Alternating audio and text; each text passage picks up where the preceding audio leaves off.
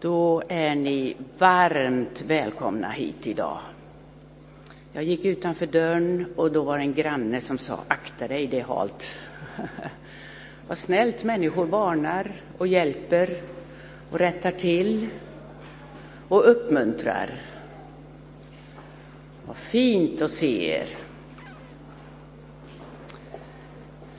Särskilt varmt välkommen säger jag till dig, Linda Knutsson från Fässberg, präst och jobbar med barn och familj. Och jag tror de flesta redan hälsat på dig. Jag såg det var så fint, du gick runt och hälsade på människorna här. Och det är det man ska känna, man är varmt välkommen. För temat är livets källa eller källa till liv. Och det är över hela vårt land, i många kyrkor, så tar man fasta på det temat. Livets källa. Om ni då undrar och har letat efter livets källa, då har ni kommit rätt idag. För här kommer vi att tala om det. Och vi ska så småningom också sjunga tillsammans med familjen Vinsnes, men de är ju enskilda personer. Det är inte bara så familjen Vinsnes, utan det är Jenny, Thomas, Emma och Linus. Och sen är det också Mikael Sennerstam som spelar tillsammans. Och sen är ni den stora kören. Alla får vara med i den idag. Så var välkomna sen att vara med och sjunga. Men jag ska läsa den salmen som också, och det är en fin känsla ibland att känna, jaha, denna salmen läser man på många ställen över vårt land, i många kyrkor, just nu. Så nu ska ni lyssna, psalm 19. Himlarna vittnar om Guds härlighet. Himlavalvet förkunnar hans händers verk. Den ena dagen talar om det för den andra. Den ena natten kungör det för den andra, utan tal och utan ord. Deras röst hörs inte, de når ut över hela jorden, deras ord når till världens ände åt solen har han gjort en hydda i dem. Den är som en brudgum som går ut ur sin kammare. Den gläder sig som en hjälte att löpa sin bana. Den går upp vid himmelens ena ände och går sin kretsgång till den andra. Ingenting undgår dess hetta. Utan ord och tal alla ska kunna förstå. Från de som är allra yngst inte den som är allra äldst kan förstå Guds skapelse. Ser man Guds skapelse och det som händer, då får man förstå, här är livets källa. Här är någon som vill oss ett personligt tilltal idag. Tack Herre att du vill vara med och låt oss öppna upp för ditt ord som är livets källa. Att varje dag få något sätt att vi känner du är med oss också denna dagen. Välsigna oss alla idag. Amen. Så varsågod. Välkommen fram, Linda. Ska jag be för dig än en gång. Vi hade ett sånt fint möte här, du och jag, för en vecka sedan och eh, satt en timme eller mer ja, och pratade om vår gemensamma tro. Och den är stark. Det märkte jag. Så lika. Herre, så ber jag dig för Linda här att hon får tala nu, det som du har lagt på hennes hjärta.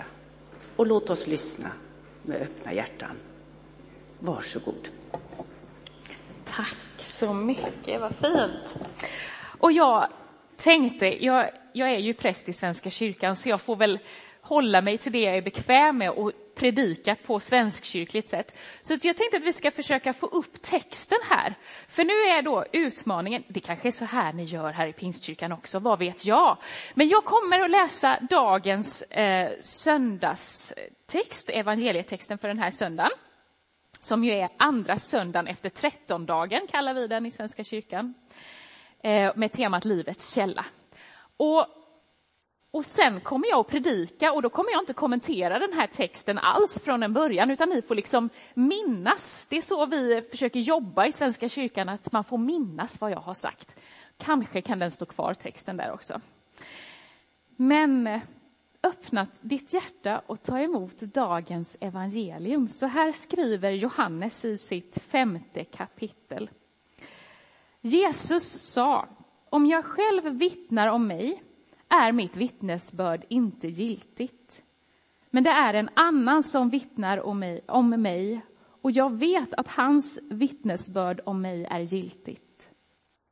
Ni har sänt bud till Johannes och han har vittnat för sanningen. Jag vill inte ha något vittnesbörd om mig från någon människa, men jag säger detta för att ni ska bli räddade. Johannes var en lampa som brann och lyste och en kort tid hänfördes ni av hans ljus. Men jag har fått ett starkare vittnesbörd än det Johannes gav. Ty det verk som Fadern har gett mig i uppdrag att fullborda, just det som jag utför, vittnar om att Fadern har sänt mig.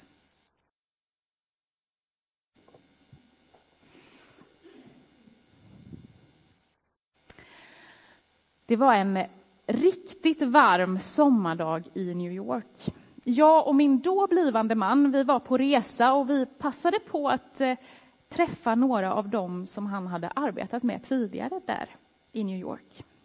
Och nu var vi hembjudna till dem på lunch i deras lilla etta på Manhattan.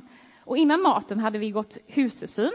Jo, det var ovanligt högt i taket för en sån liten lägenhet och oj, är hyran så dyr för ett rum med ett litet kök som det inte ens går att sitta i.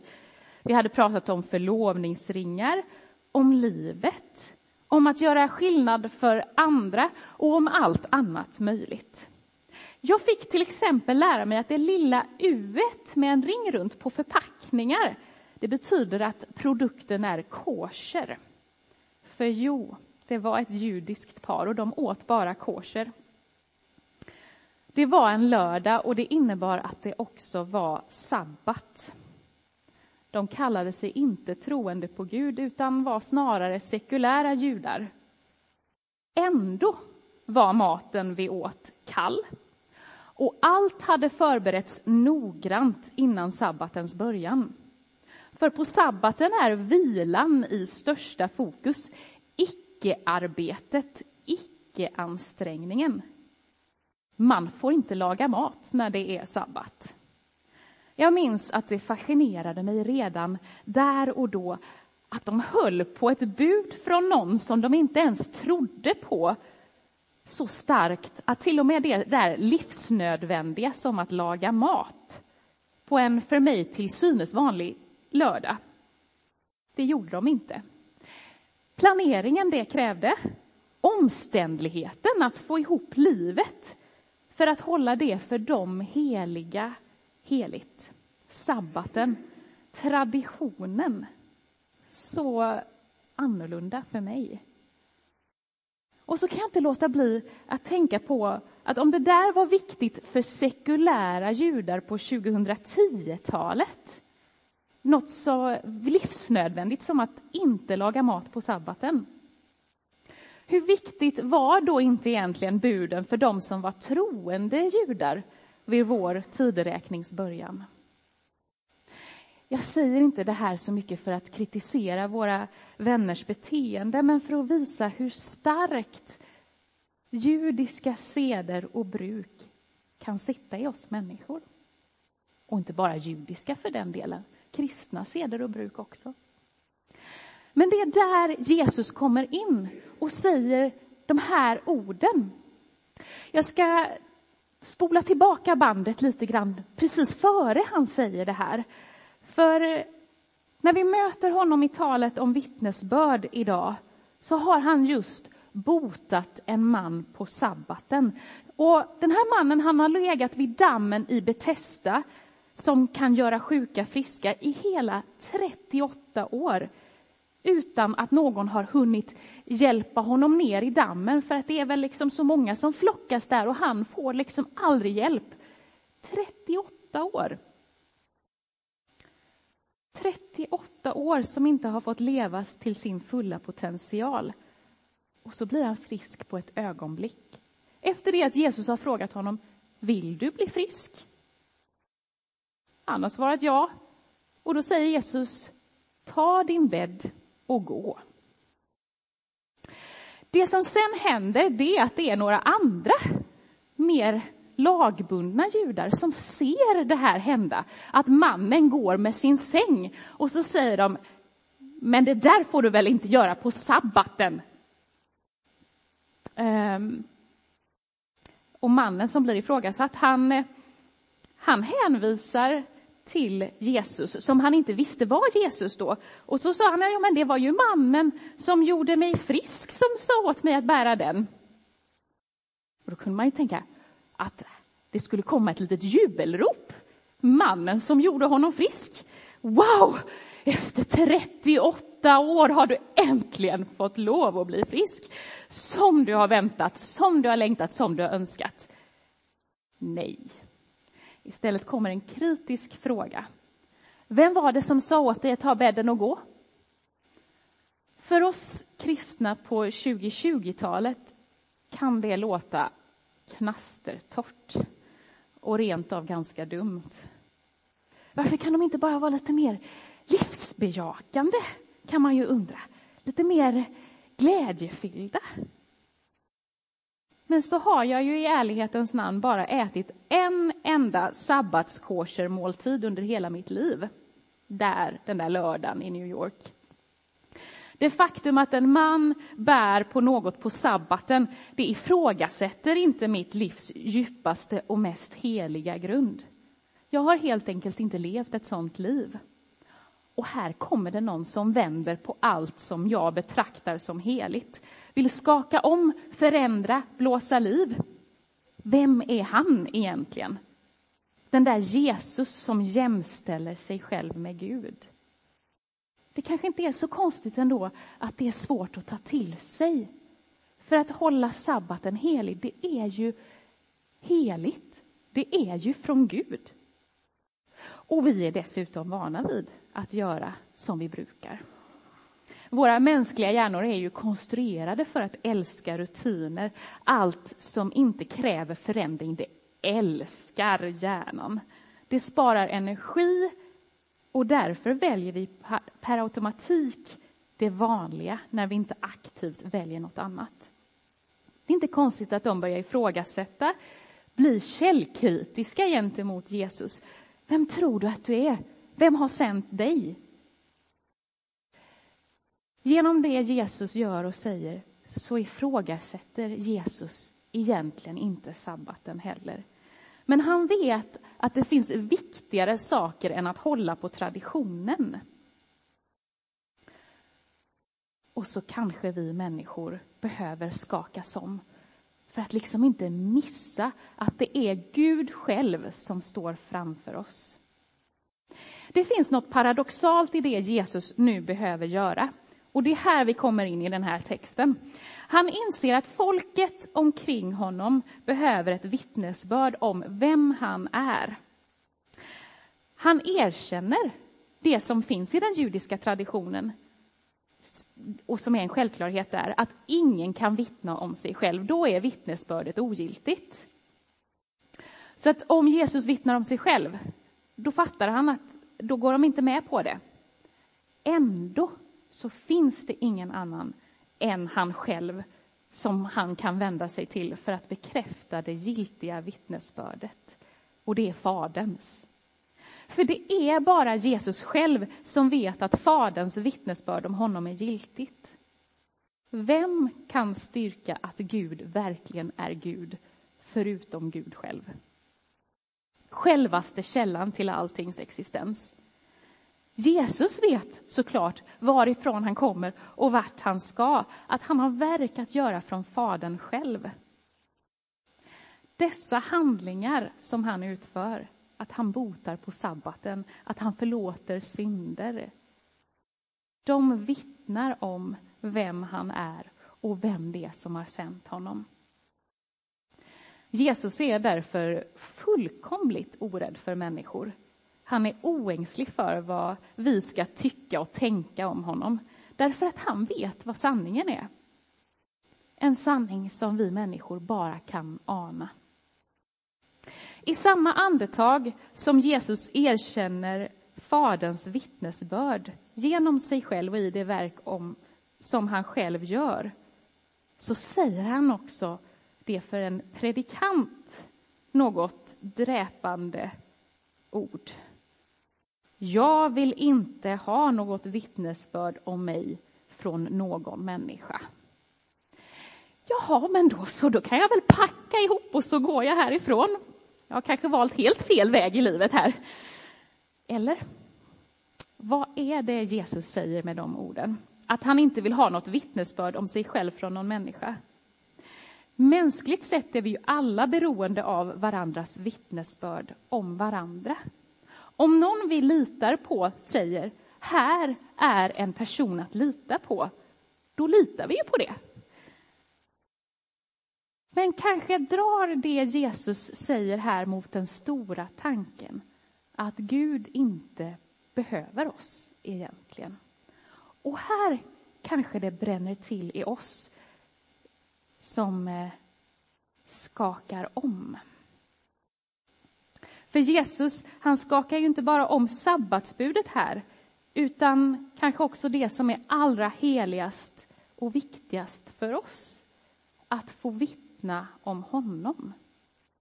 Det finns någonting i mig som vill protestera lite mot orden. Lite behöver väl Jesus oss ändå? Eller?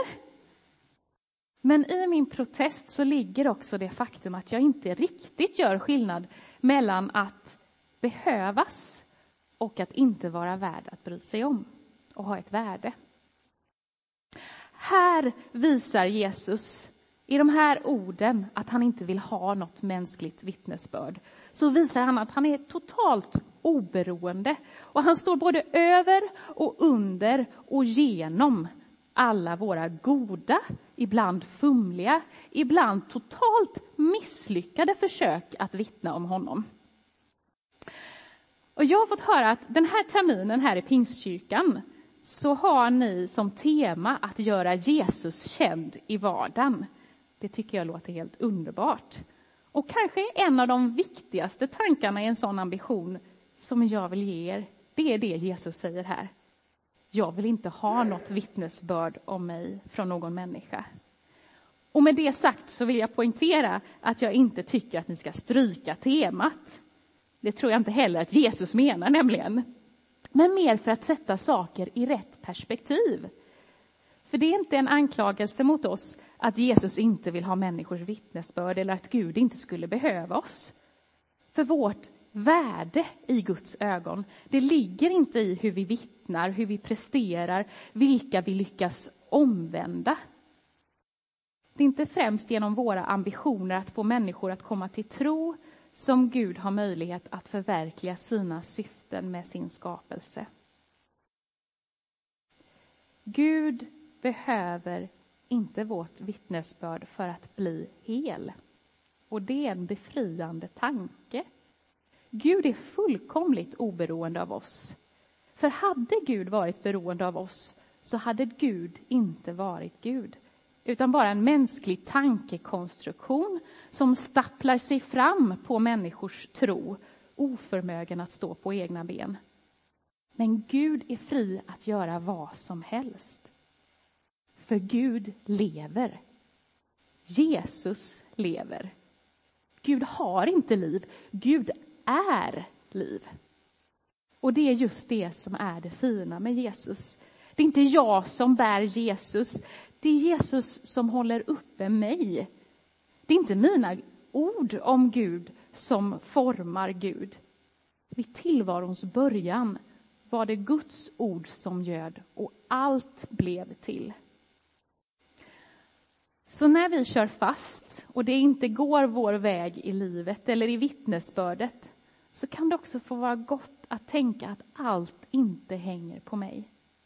Jesus behöver egentligen inte mig. Även om han råkat kalla mig till hans tjänst. Men då kanske man ska ställa sig frågan, varför ska vi då vittna om honom alls om han inte behöver oss?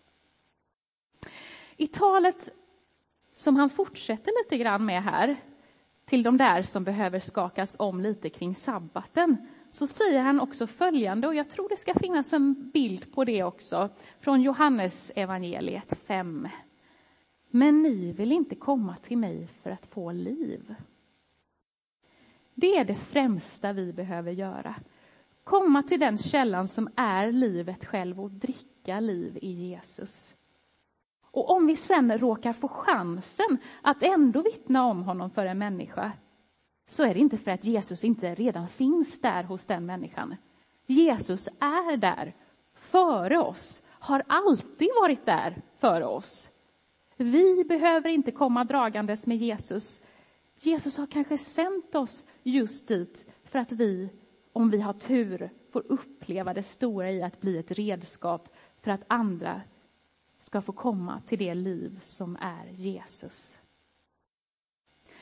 Just därför att Jesus inte behöver oss tänker jag att det är så stort att vi ändå är kallade till att vittna om honom och att vi samtidigt är oändligt älskade.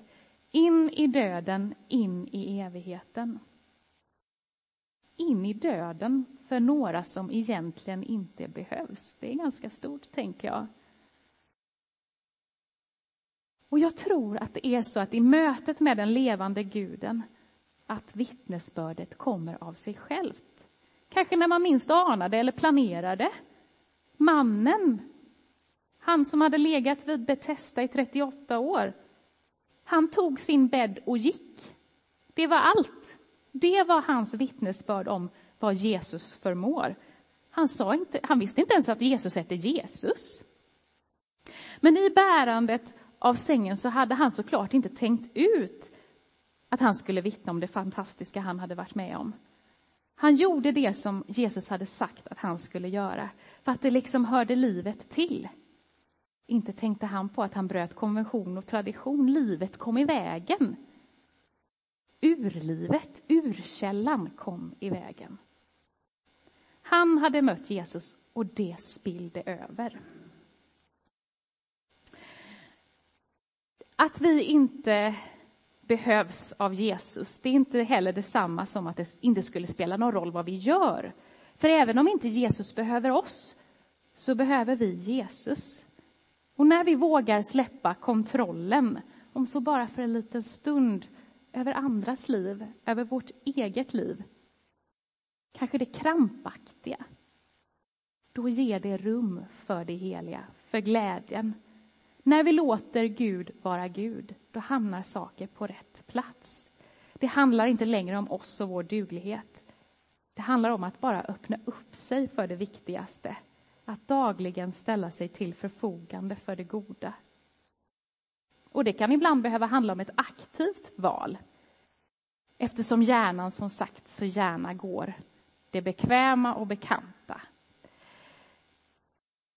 Men kanske är det så att om vi gör det där tillräckligt ofta, går emot det som skaver, för att det finns något viktigare som är viktigare, då kanske vi till slut vänjer oss vid att det där jag känner och tycker och tänker, det är inte alltid viktigast.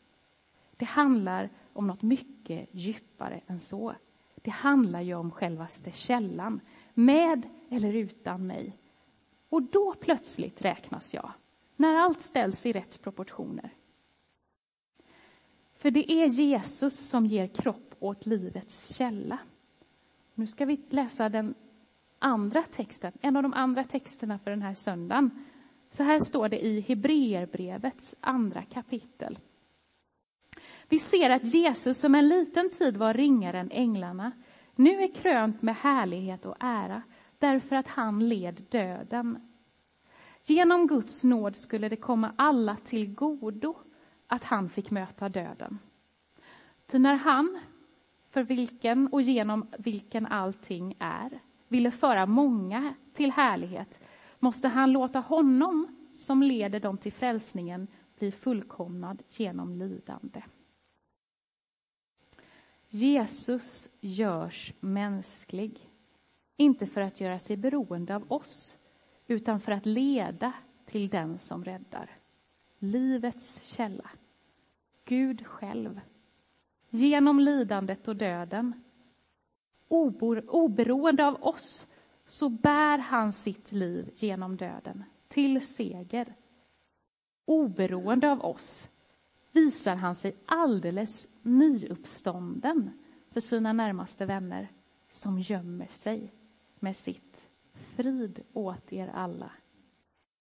Och där och då tar det mänskliga vittnesbördet om honom sin början.